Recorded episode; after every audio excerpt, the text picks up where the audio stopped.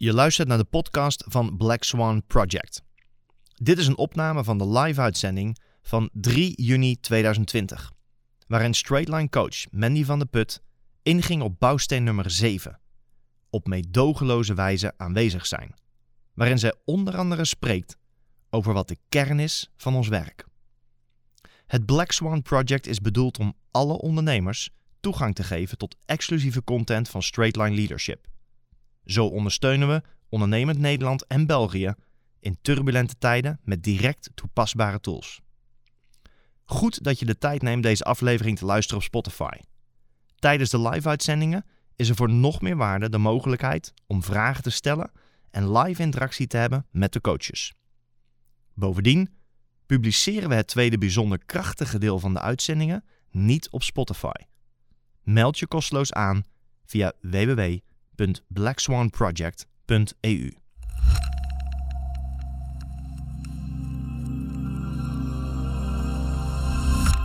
Uitzending nummer 27 van het Black Swan project.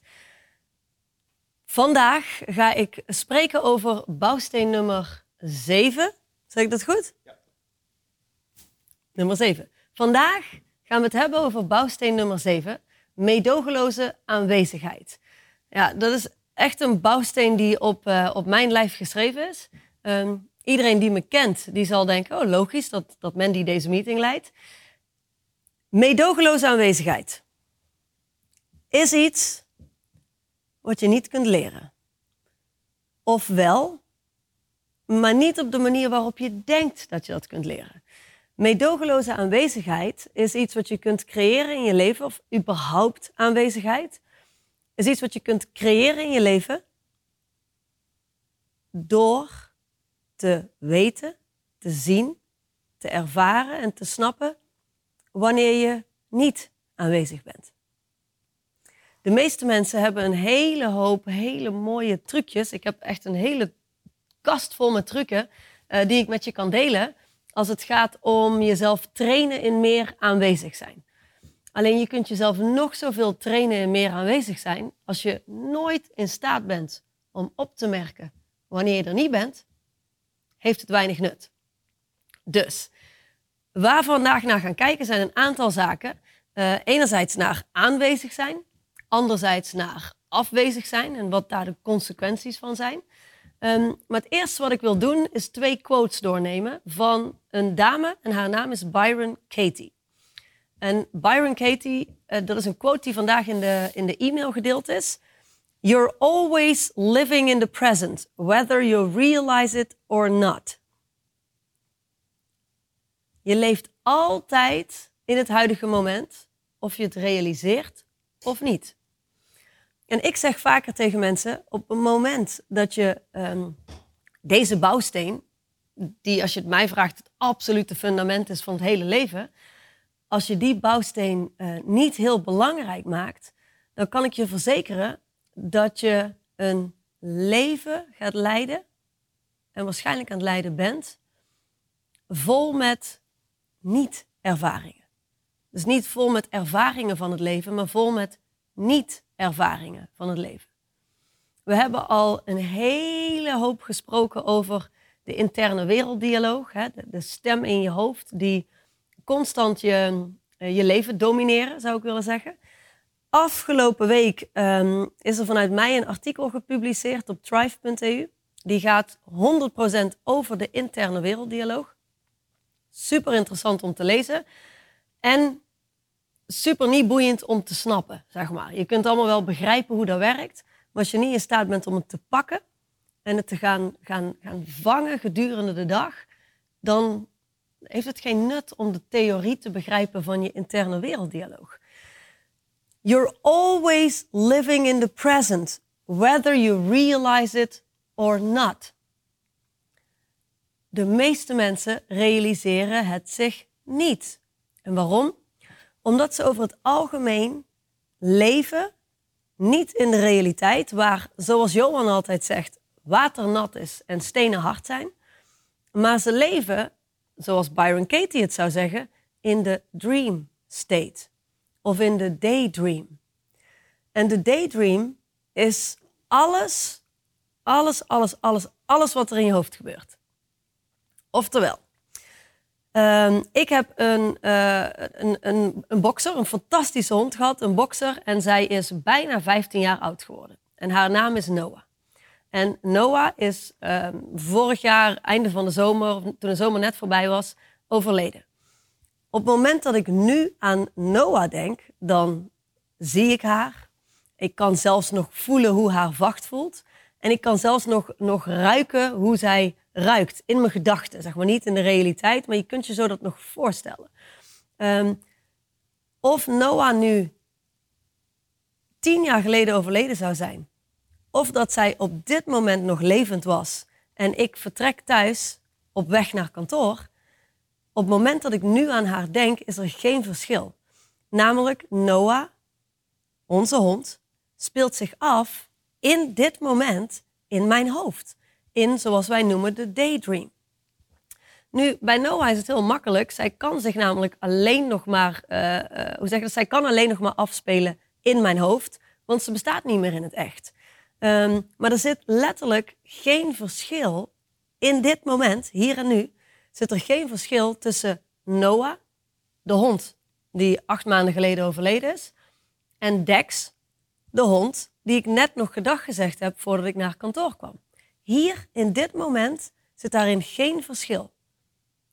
Omdat ze zich beide in dit moment bevinden in mijn daydream. In mijn, in mijn droomwereld, in mijn hoofd. Nu, die daydream, dat is op deze manier heel makkelijk uit te leggen. We, we, hebben, we hebben zeg maar nightmares en daymares.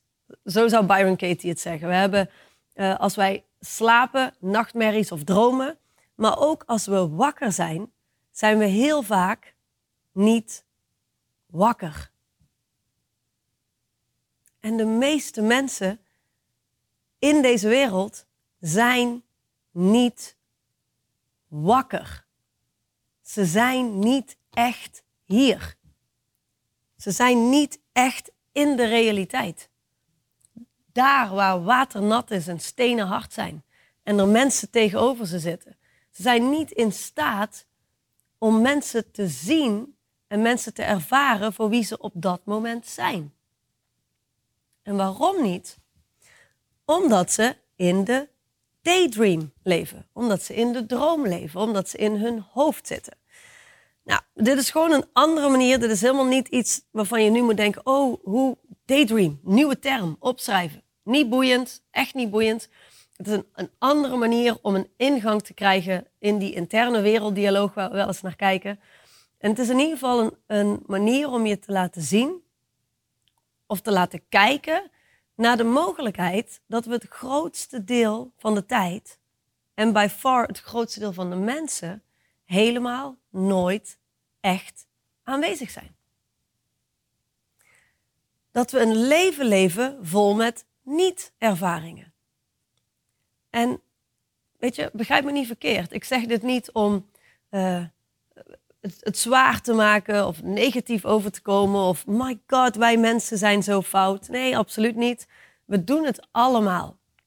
En het verschil tussen extreem effectieve mensen en extreem succesvolle mensen en mensen die worstelen in het leven, is in de basis niks anders dan. En, en als ik overigens, als ik het heb over extreem succesvolle mensen, heb ik het niet over um, mensen met fame, mensen die beroemd zijn of mensen die um, heel veel uh, zakelijk succes hebben, grote bedrijven bouwen. Hel, geloof me, ik heb duizenden ondernemers gesproken, diepgaande gesprekken gehad in mijn leven. En er zijn een hele hoop ondernemers die aan de top van de meest succesvolle bedrijven staan, maar die hun leven niet als succesvol zouden bestempelen. Hun leven niet als succesvol zouden bestempelen. Dus um, ik wil dat je beseft dat er is een bepaalde definitie van succes voor jou. Voor hoe jouw leven de ideale wereld eruit zou zien. En er zijn een aantal basiszaken die voor ieder mens daarin gelijk zijn. Namelijk een succesvol leven heeft ruimte. We hebben een soort van ademruimte, financiële ruimte, maar ook ruimte in onze, in onze wereld om ons heen. En we hebben krachtige relaties. We hebben diepgaande verbindingen. Ik, ik kan daar een heel simpel voorbeeld van geven. Wij werken met ons team, dus het, het team wat hier op kantoor werkt overdag, één keer per maand um, een, een, dagdeel zitten Johan en ik met het hele team, dus inclusief alle coaches, alle consultants en alle kantoormedewerkers, um, zitten wij hier in deze ruimte, achter mij zelfs, in een grote, ja, uh, uh, zeg maar, ruime opstelling. Um, en wat we dan doen is aan de slag gaan met dit werk. En afgelopen week had ik een, uh, in, in die training een gesprek met een van onze medewerkers. En zij heeft gezegd, ik zou graag getraind willen worden op um, korter en bondiger kunnen communiceren. Ik weet dat ik vaak nogal lang van stof ben. Oké. Nou, de opdracht was, stel je bent in staat om dus inderdaad kort en bondig te communiceren. Hè? Dus je hebt dat weten te creëren voor jezelf.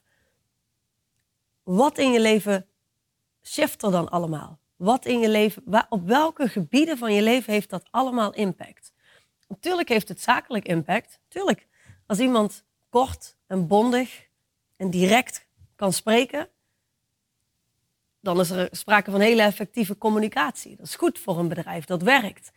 Maar zij zei tegen me, nadat ze die, die opdracht had gedaan en met zichzelf had gezeten, zei ze, luister, ik zie hoe groot de impact is. Namelijk, als ik in staat zou zijn om wat minder langdradig en lang van stof te zijn, constant uit te wijden, dan zou ik makkelijker voor elkaar krijgen dat als ik bijvoorbeeld in gesprek ben met mijn moeder, wanneer ik daar op visite ga, dat zij uh, bij me blijft, zeg maar, dat ze geïnteresseerd blijft. Want als ze mij nu een vraag stelt en ik geef antwoord, dan zie ik dat gedurende het gesprek haar aandacht verdwijnt. Dat ze niet echt meekrijgt wat ik vertel. En ik zie nu dat als ik in staat zou zijn om te spreken, zodat mijn moeder erbij blijft en dat ze het wel meekrijgt, dat de relatie met mijn moeder veel diepgaander zou zijn. En dat is een enorme win voor me, zei ze. En dit is één simpel voorbeeld van de duizenden voorbeelden die ik zou kunnen geven als het gaat om mensen die hun leven bestempelen als succesvol, als geslaagd, hebben allemaal stuk voor stuk krachtige, diepgaande relaties. En een krachtige, diepgaande relatie kun je alleen maar hebben als je in staat bent om iemand te zien voor wie die wel is en voor wie die niet is. En de enige manier waarop je dat kunt zien is door meedogenloze aanwezigheid. Oftewel in staat zijn om hier te zijn op dit moment, terwijl je tegenover iemand anders zit en die persoon te ervaren zoals die persoon op dat moment voor je neus zit. Dus een voorbeeld. Um, je, komt, uh, je komt thuis van je werk, van je kantoor, van je bedrijf, en je hebt in de ochtend een enorme aanvaring gehad met je partner. En jullie zijn boos uit elkaar gegaan en je bent naar je werk gegaan. Aan het einde van de dag kom je thuis. Misschien aan het einde van een dagdeel kom je thuis. Dan zijn er twee mogelijkheden. Er zijn, ja, er zijn een hele hoop mogelijkheden, maar in de basis zijn er twee dingen die kunnen gebeuren. Of je komt thuis en een van de twee of beide leven nog in het moment van de ochtend. Dus jullie leven nog in die droom. Hè? Want je komt thuis in, in je hoofd met alles wat er die ochtend heeft afgespeeld. Al die uitspraken die naar elkaars hoofd gesmeten zijn, zijn de hele dag door door jouw hoofd gegaan. En je hebt er een mening over gevormd. En, en, hij of zij heeft geen gelijk. En je bent het er niet mee eens. En je komt thuis in de dream state. En je pakt het gewoon weer lekker op waar je s ochtends vertrokken bent. Dat is wat de meeste mensen doen. Want het, het, het, draait de hele dag door in onze interne werelddialoog. En als er iets is wat we willen, dan is het gelijk krijgen. Dus ja, daar is het brein mega goed in. Of je komt thuis en je hebt een nieuw unit of time weten te creëren. Dus je komt thuis en je bent in staat om aanwezig te zijn. Aanwezig te zijn bij de persoon waar je op dat moment bij thuis komt. En je zal gaan merken, als je jezelf daarin gaat trainen en je gaat in staat zijn om dat te doen, dat het niet eens zo heel veel uitmaakt hoe die persoon, dus stel je bent een man en je komt thuis bij je vrouw, hoe die vrouw reageert als jij thuis komt. Het maakt niet uit dat zij nog helemaal in die droomwereld zit en nog er gelijk wil halen, terwijl jij ondertussen in een, in een nieuw unit of time, dat is hoe wij het noemen in coaching, een nieuw moment hebt gecreëerd waarin je aanwezig bent en gaat dealen met wat er op dat moment voor je neus ligt. Je kunt je voorstellen, iedereen kan zich dat voorstellen, dat als je in staat bent om je verhaal over die ochtend te parkeren, thuis te komen en neutraal opnieuw um, de interactie aan te gaan, dat er vele malen meer te creëren is met je vrouw, zeker met een vrouw, als wanneer je thuis komt in de slaapstand, de droomstand. Wanneer je thuis komt vanuit die, die gesprekken die je de hele dag door met jezelf hebt gehad. En dan gaat die voordeur open. En dan kom je de keuken ingelopen. En dan zie je één foute blik. En hoppakee, daar ben je weer. Terug in de ochtend. Niet in staat om aanwezig te blijven in het moment. Dit is één voorbeeld oprecht. Als er iemand aan de andere kant van voor mij de camera zit die zegt, nou, dat heb ik echt nog nooit meegemaakt, dan, uh, ja, wat doe ik dan? Dan los ik op in het niks, laten we dat zeggen. Dat is onmogelijk. Iedereen kent dit en iedereen heeft dit. Um, een andere uitspraak van Byron Katie, waar ik net ietsje dieper wil ingaan op dit wat we nu bespreken, is: A mind unquestioned is the world of suffering. A mind unquestioned is the world of suffering. Byron Katie, haar werk is gericht op. Um, het, is, het is geen coaching, het is therapie. Byron Katie is gericht op het hele van het verleden. Dingen die zich in het verleden hebben afgespeeld, opnieuw bekijken, in een nieuwe context weten te plaatsen, om vanuit daar een krachtige toekomst te kunnen creëren. Waar zij dus op gericht is, is um, uh, op het moment dat ze met je aan het werk gaat, is kijken naar die domeinen in je leven waar boosheid, frustratie, irritatie, zaken als dat, de, dingen waar je, waar je minder goed van voelt, waar je buikpijn van krijgt, waar je ongemakkelijk van wordt, die dingen, daar laat zij je naar kijken. Als je, daar, als je dat voor ogen houdt, en, en ik lees dan opnieuw de zin, a mind unquestioned is the world of suffering. De dag dat Byron Katie ontdekte dat ze niet zo diep, diep, diep ongelukkig hoefde te zijn als ze was, ik weet niet hoeveel jaren geleden, is de dag dat ze zich dit realiseerde. Is de dag dat zij zich realiseerde, hey, als ik dat wat er hier in mijn mind afspeelt, nu eens ga bevragen, ga observeren, kritisch ga bekijken en niet zomaar aanneem voor waarheid, dan bestaat er een hele grote kans dat mijn suffering weg is. Want het moment dat zij haar frustratie questionde, dus ze ging kijken naar wat is daar nou eigenlijk echt gaande? Waar komt die frustratie vandaan? In, in hoeverre is dat, hoe, hoe is dat opgebouwd? Op het moment dat ze dat ging onderzoeken, verdween alle suffering. Verdween alle drama uit haar leven. En je zou in, in, in a way kunnen zeggen dat dat ook ons werk is. Ik ben het zo eens met a mind unquestioned is the world of suffering. Of a mind unquestioned is living like a dead man. Dat zou ik waarschijnlijk zeggen. Want heel eerlijk, als je niet je mind gaat onderzoeken, als je niet jezelf onderzoekt in dit leven, dan leef je dus standaard onder invloed van je interne werelddialoog. En onder invloed van je interne werelddialoog heb je geen controle, whatsoever, whatsoever, geen controle over alle verschillende domeinen in je leven. En belangrijker nog, geen controle over jezelf. Jij bent namelijk niet je gedachten. Jij bent niet je verhalen. Totdat je in slaap valt of in slaap blijft en onder invloed van je gedachten en je verhalen door het leven beweegt. Dan ben je letterlijk je gedachten. Ik denk dat een jaar of 10, 15 geleden, uh, of misschien al iets langer, kwam er een boek uit, The Secret. En iedereen was helemaal in de ban van The Secret. Het boek en de film en een soort van magisch denken. Want je bent je gedachten. Dus, als je negatieve gedachten hebt, creëer je negatieve dingen in je leven. Wat je dan moet doen, is die negatieve gedachten ombuigen naar positieve gedachten. En je creëert positieve dingen in je leven. Jij en ik weten allebei dat dat bullshit is. Een goed leven is niemand gegeven. Een goed leven moet je zelf voor werken.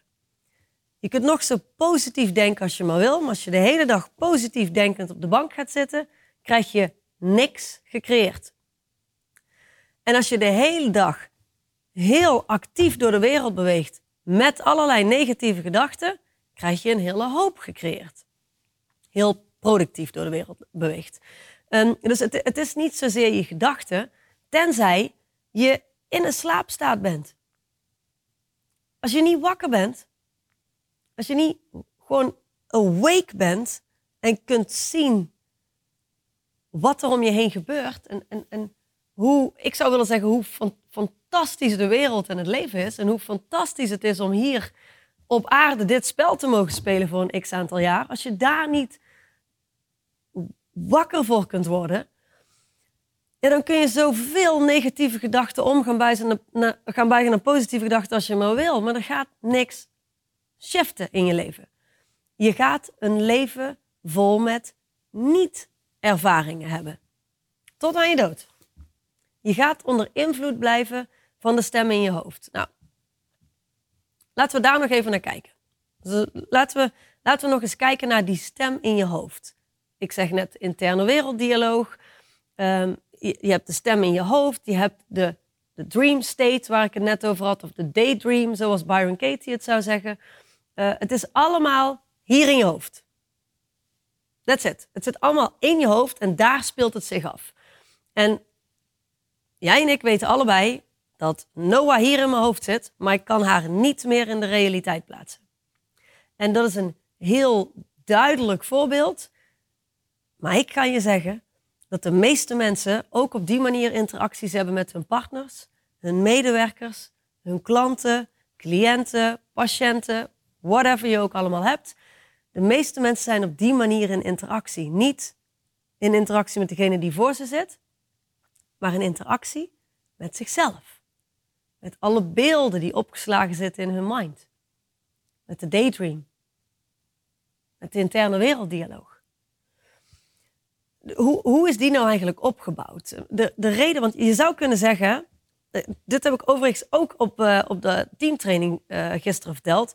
Je zou kunnen stellen, ja, maar ja, mijn leven is heel mooi.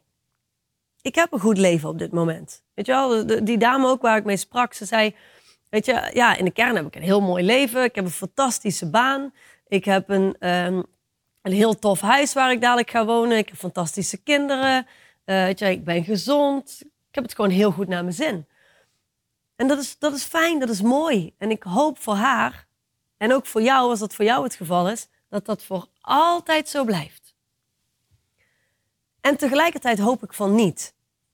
waarom niet? Omdat als mens is het een natuurlijke beweging om door te blijven groeien. Om, om groter te worden en jezelf te blijven ontwikkelen. En over het algemeen zit ontwikkeling en groei in uitdagingen. Ontwikkeling en groei komen met discomfort. En over het algemeen kunnen wij wel stellen met elkaar, denk ik, dat jij en ik allebei in ons leven nog hele zware momenten gaan kennen. Zowel jij als ik gaan in ons leven nog dingen meemaken die we liever niet mee zouden maken. Dat is een feit. Ik bedoel, het, het feit dat we geboren worden en doodgaan, doodgaan is niks negatiefs. Absoluut niet. Iedereen heeft recht om geboren te worden. Dus iedereen heeft ook gewoon het recht om dood te gaan. En wij als, als westerse samenleving hebben daar wel een verhaal bij. We willen niet onze ouders verliezen. Onze kinderen verliezen. De mensen die dichtbij ons staan. Tuurlijk willen we dat. Dus we gaan allemaal nog momenten hebben waarop het niet zo rooskleurig is. Ik zou je uit willen nodigen om jezelf iedere dag van het jaar krachtiger en krachtiger te bouwen voor die momenten dat het ooit nodig gaat zijn. Want als die momenten er zijn en je moet dan nog beginnen, nou, dan wens ik je een prettige wedstrijd, maar dan wordt het allemaal een heel stuk zwaarder dan het hoeft te zijn. Dus terug naar waar ik uh, vandaan kom, want daarom, ik, ik benadruk dit omdat ik het belangrijk vind om te benadrukken waarom dit werk ertoe doet. Dit, dit, dit werk doet ertoe in tijden dat je een heel mooi leven hebt. Dit werk doet ertoe in tijden dat je het zwaar en moeilijk hebt. En dit werk doet ertoe omdat je überhaupt echte ervaringen van het leven kunt hebben. Echte ervaringen van het leven. In plaats van de niet-ervaringen die zich in ons hoofd afspelen. Zoals ik net zei, je hebt de interne werelddialoog, de stem in je hoofd, de plaatjes in je hoofd. Hè. De mind is gewoon een, een, een camera, zoals de camera waar ik nu in zit te kijken. En die neemt gewoon op. En al die plaatjes zitten er nog. Ehm, jij en ik leven ons hele leven, iedere minuut van de dag, in conversaties. In conversaties met onszelf, voornamelijk, en in conversaties met anderen. Dus, soms hebben we echte gesprekken met anderen, horen we daadwerkelijk wat iemand zegt, zien we dat iemand daadwerkelijk hoort wat wij zeggen en is er een echte conversatie gaande. Maar het allergrootste deel van de conversaties waar wij in leven, de gesprekken waar wij in leven, allemaal, jij, ik, iedereen, zijn de gesprekken die we hebben met onszelf. Die gesprekken zijn er namelijk de hele dag. En die gesprekken kunnen we niet stoppen. Onmogelijk. Onmogelijk. Die stem gaat altijd door. We hebben over alles een oordeel en we vinden van alles iets wat we zien. Van alles. Dus dat, dat, gaat, nooit, dat gaat nooit stoppen.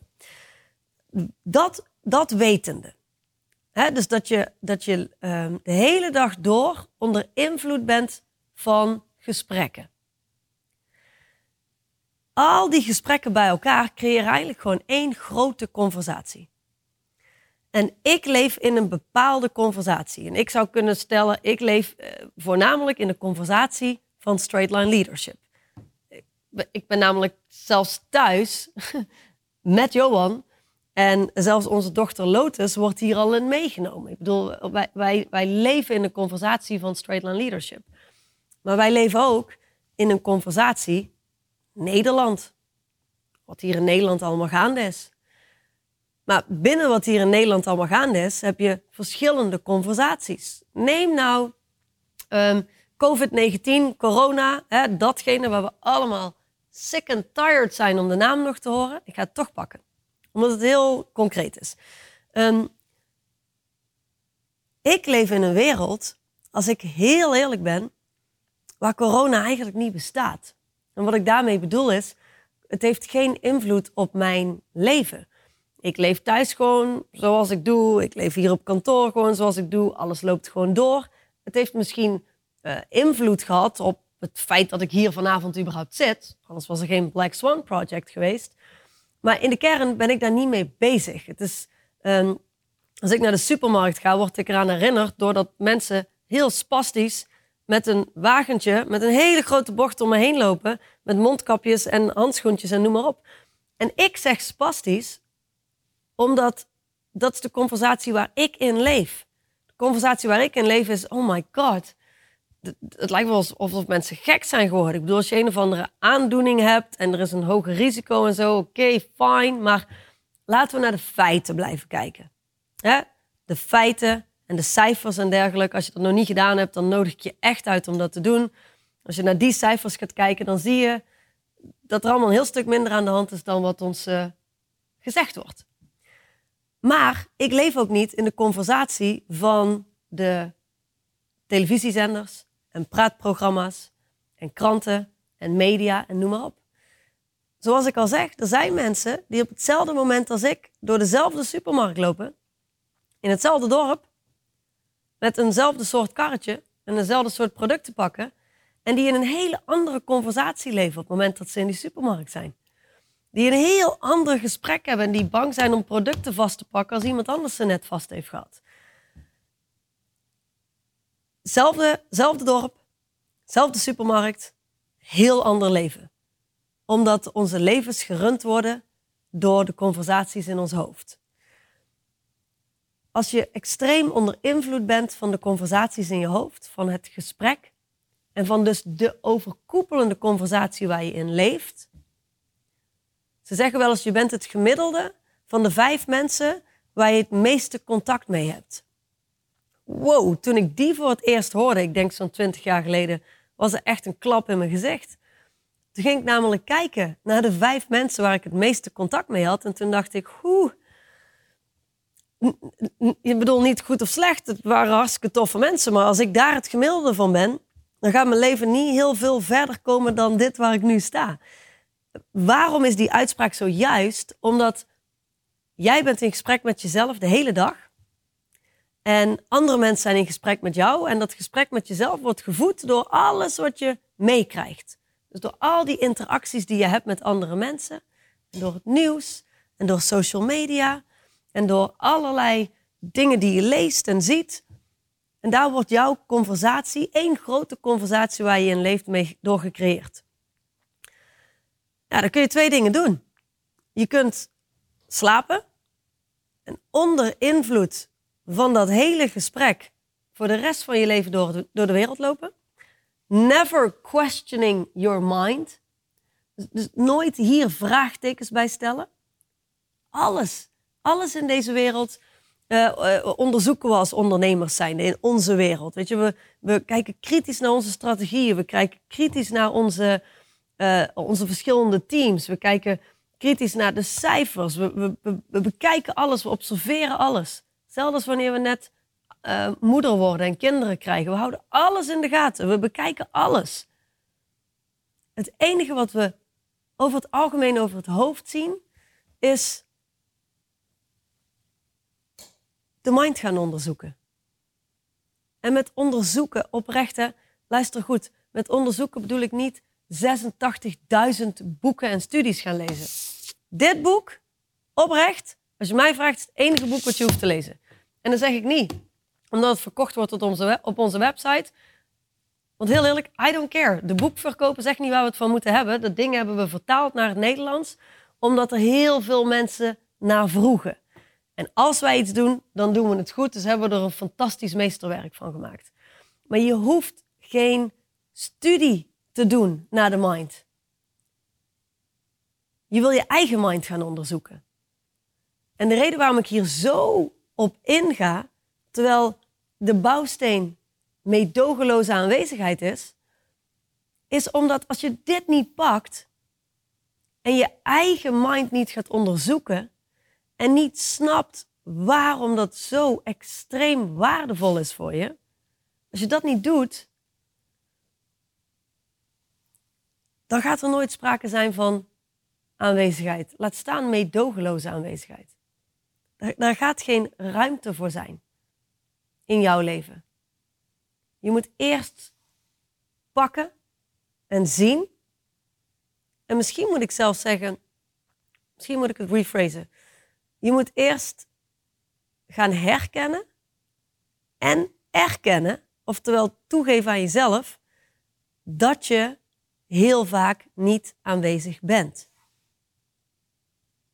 Dat je heel vaak als je in gesprek bent met iemand, niet echt in gesprek bent met de persoon voor je neus. Maar dat je in gesprek bent met het beeld dat je in je hoofd hebt van die persoon voor je neus. Dus nogmaals, heel vaak, en sommige mensen altijd, ben je niet in gesprek met de persoon voor je neus, maar je bent in gesprek met het beeld van de persoon dat je hebt, van die persoon die voor je neus zit. Je bent aan, in interactie met het verhaal wat je hebt over die persoon. Je kunt helemaal niet zien wie daar zit. Ik heb net een, een uur geleden een telefoontje gekregen van een dame. Um, die, die liep tegen een aantal uitdagingen aan. En die zei letterlijk tegen mij, die zei letterlijk, Mandy, twee jaar geleden had ik mijn leven gewoon, ik had mijn leven niet op orde. Weet je wel, ik, ik had er een potje van gemaakt. Ik had er een potje van gemaakt Ik was zwak. Ik was, was al mijn eigenwaarde kwijt. Ik was terughoudend. Weet je, ik, ik, ik pakte mijn leven niet aan. Ik bewoog niet voorwaarts. En daar heb ik mee gedeeld. Ik heb mezelf opnieuw uitgevonden. En, en, en hier ben ik nu. En ik heb nu een fantastisch leven. En ik ben hele mooie dingen aan het creëren. Zei ze, en één ding waar ik heel veel last van heb, is dat er een twee, drie mensen zijn in mijn leven waar ik mee werk, dus in het bedrijf, waar ik mee werk, waar ik interactie mee heb. En ik merk gewoon dat zij nog steeds een interactie hebben met de Anna, laten we de Anna noemen, met de Anna van twee jaar geleden. Zij zijn nog steeds in gesprek met dat kleine, zwakke meisje wat haar leven niet op orde had. Maar ik ben niet meer die persoon. Wat moet ik daarmee? Ja, daar heb ik haar op gecoacht, daar hebben we aan gewerkt. Maar het is een typisch voorbeeld. Het it, go, it goes both ways. Weet je, het is jij. En als je dat beseft, dan heb je helemaal magie in handen. Als in echt oprecht.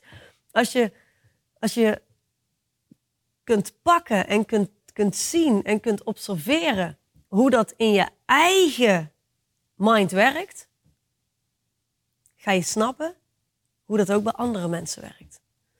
En ga je door meedogenloze aanwezigheid, door daadwerkelijk aanwezig te zijn en te begrijpen wat er bij die ander gebeurt, ga je zo godsgruwelijk veel voor elkaar kunnen krijgen in het leven. Dat is ongelooflijk. Dat is ongekend, letterlijk. De mogelijkheden en de power die tot je beschikking komt als je in staat bent om aanwezig te zijn in het hier en nu, is onmeetbaar. Gewoon letterlijk onmeetbaar.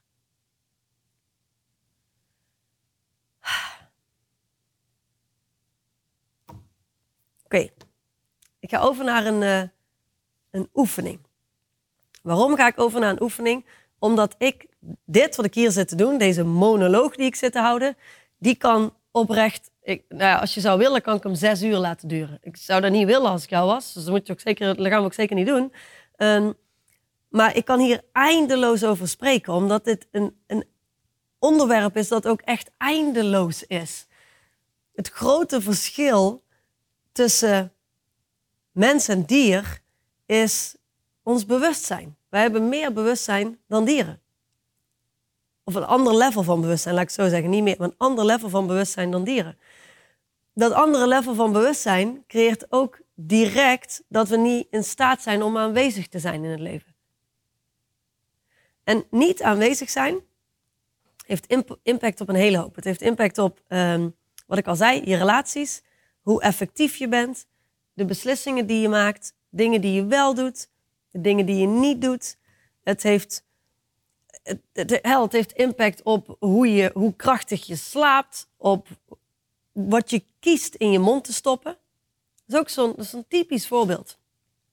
Iemand die, die heel graag een, een gezonder lichaam wil, een krachtiger lijf. En die besluit gezonde dingen te eten en, en te sporten.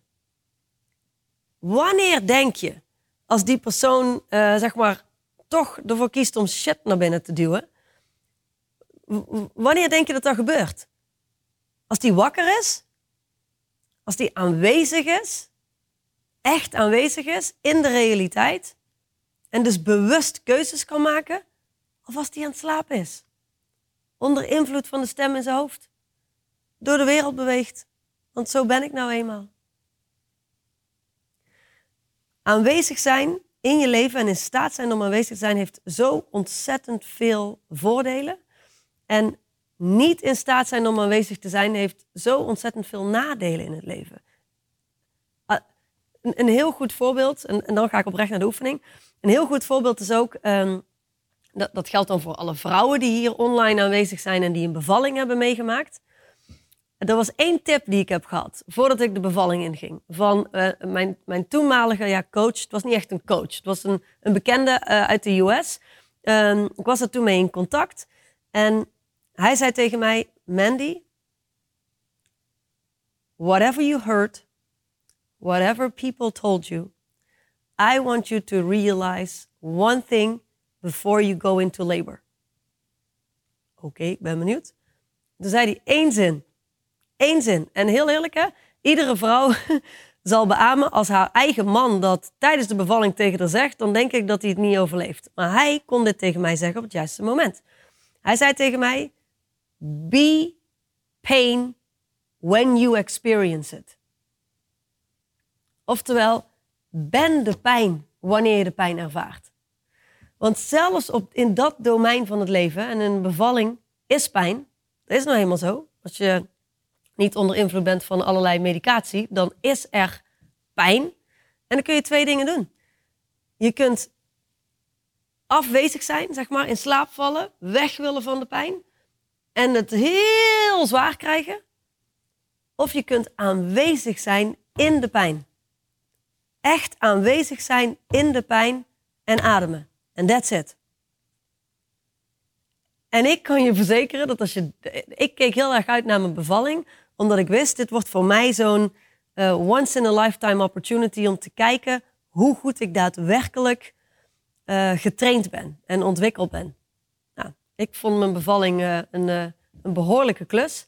Um, maar ik vond het fantastisch om, om te ervaren dat als je in staat bent om aanwezig te blijven bij de meest oncomfortabele, moeilijke of pijnlijke situaties in je leven, dan worden ze zoveel lichter.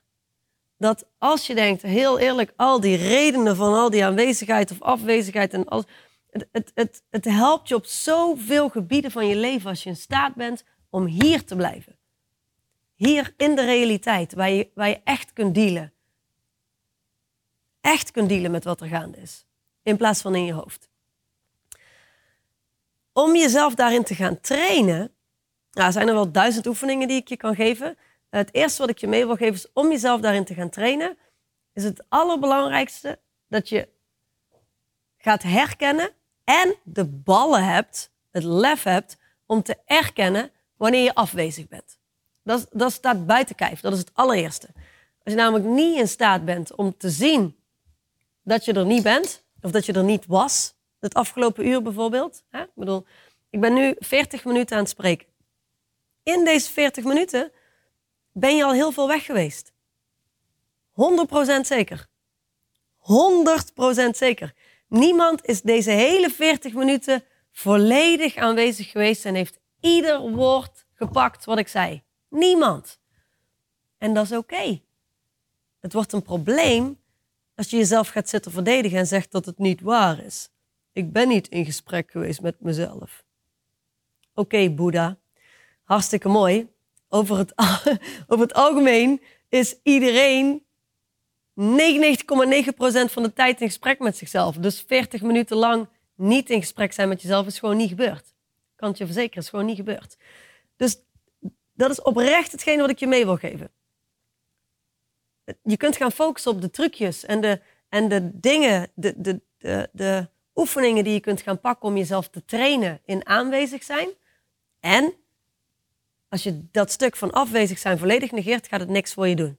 Dus, dus die kun je niet overslaan. Oké, als we dan gaan kijken naar oefeningen om aanwezig te zijn. Um, er zijn een hele hoop, wij noemen dat personal presence drills. En daar, daar zijn echt duizend en één varianten van. Um, ik ga er nu eentje pakken waar jij zelf mee aan de slag kan. Dus, dus jij in je eentje waar je niemand anders voor nodig hebt. Um, en waarbij het ook niet is dat je heel snel afdrijft in gedachten of in slaap valt of zoiets dergelijks. Want uiteindelijk zijn personal presence drills niks anders dan uh, hoe zeg je dat, een, een, bepaalde vorm van meditatie. Hè? Een hele hoop mensen noemen het meditatie. Die gaan zitten, die sluiten de ogen of die houden ze open. Kijken naar een brandende kaars of whatsoever. Um, het hele doel is wat bijna niemand echt pakt en snapt. Maar het hele doel is in staat zijn om jezelf los te koppelen van die gedachten. Het, het, doel is niet om die gedachten naar nul te brengen. Want dat gaat niet. Dat ding is er altijd. Dat stopt niet. Dat is onuitputtelijk. Dus dan gaat er toch gewoon zijn. Dat blijft maar doorgaan. Maar op het moment dat je mediteert, ben je jezelf aan het trainen om die gedachten te gaan zien voor wat ze zijn en ze door te laten draaien, terwijl je aanwezig kunt zijn in het hier en nu. En sommige mensen doen dat door te focussen op hun ademhaling, Andere mensen focussen op bepaalde gebieden in hun lichaam die ze moeten voelen. Er zijn heel veel, heel veel mogelijkheden. Eén ehm, stapje net iets makkelijker zou ik je mee willen geven vandaag. En dat is het volgende. Je kunt focussen op allerlei dingen in jezelf. Hè? Dus je kunt focussen op je ademhaling, je kunt focussen op je lichaam. Ehm, maar wat vaak een effectievere manier is, is focussen op um, objecten buiten jezelf. Dus ik heb hier een boek, ik heb hier een glas met water, uh, ik heb hier een fles of een, een karaf, ik heb hier papieren liggen. Um, er zijn allerlei dingen hier buiten mij. De, de oefening, de training die ik je mee zou willen geven. En het is aan jou om te doen, ja of nee. Ik bedoel, voor mij hoef je het niet te doen. In, in mijn leven verandert letterlijk niks als jij wel of niet deze oefening gaat doen.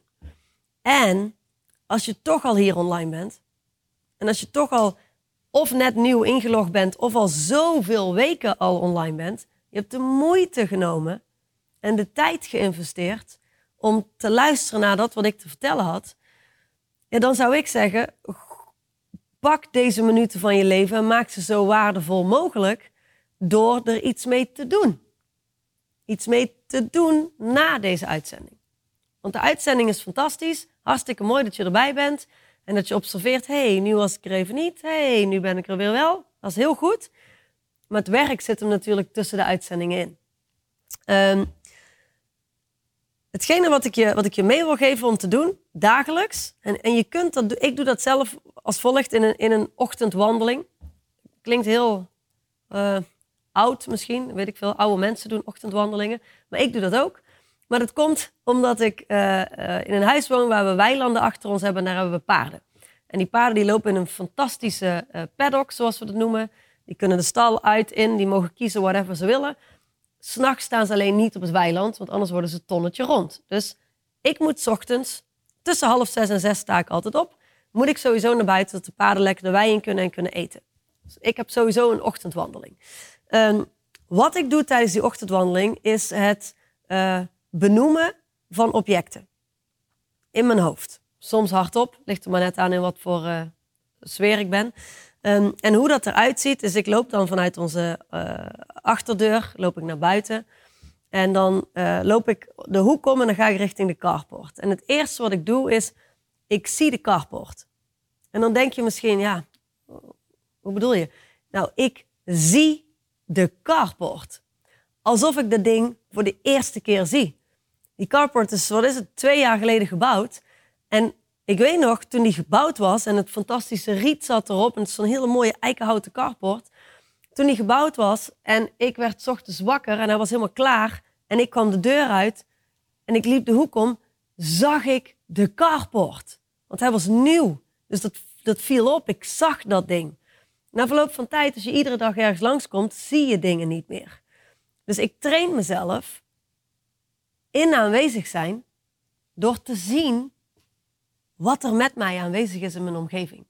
Dus dan loop ik de deur uit, de hoek en ik zie de carport. En in mijn hoofd benoem ik carport. Schuur. Dan loop ik over ons pad naar achteren en dan benoem ik boom. Kom ik langs een waterpomp. Pomp. En ik kijk echt naar die objecten. Ik kijk naar die objecten en ik geef ze een, zoals ze dat zeggen, de first name. Dus ik zeg niet hoge boom of dikke boom. Nee, want dat is de betekenis die mijn brein eraan heeft gegeven. Hè? Dat is wat, wat, wat uh, ja, hoe zeg je dat? De, de mening die ik erover heb. Dus dat laat ik weg, want het is gewoon boom. Heg. Pomp. Paal. Paard. Gras.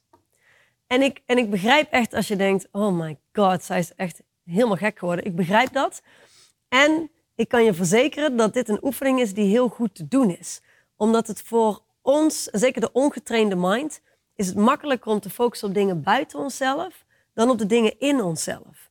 Dus, dus laten we het stapje voor stapje doen. Um, en ik, ik doe dit nog steeds. En ik ben geen ongetrainde mind meer, dat kan ik je verzekeren. En ik doe dit nog steeds iedere dag. Iedere dag loop ik over mijn erf, kijk ik naar objecten en benoem ik die objecten of in mijn hoofd of hardop als dat wat ik zie. Waardoor ik ze ook echt zie. Doet dat iets? Als in, geeft, op dat moment, geeft dat me op dat moment een of andere andere realiteit of een heel goed gevoel of zo? Nee, dat is niet het punt. Daarom noem ik, ook, het is, daarom noem ik het ook een training. Het punt is dat je jezelf gaat trainen om hier te zijn. Hier waar water nat is en stenen hard zijn.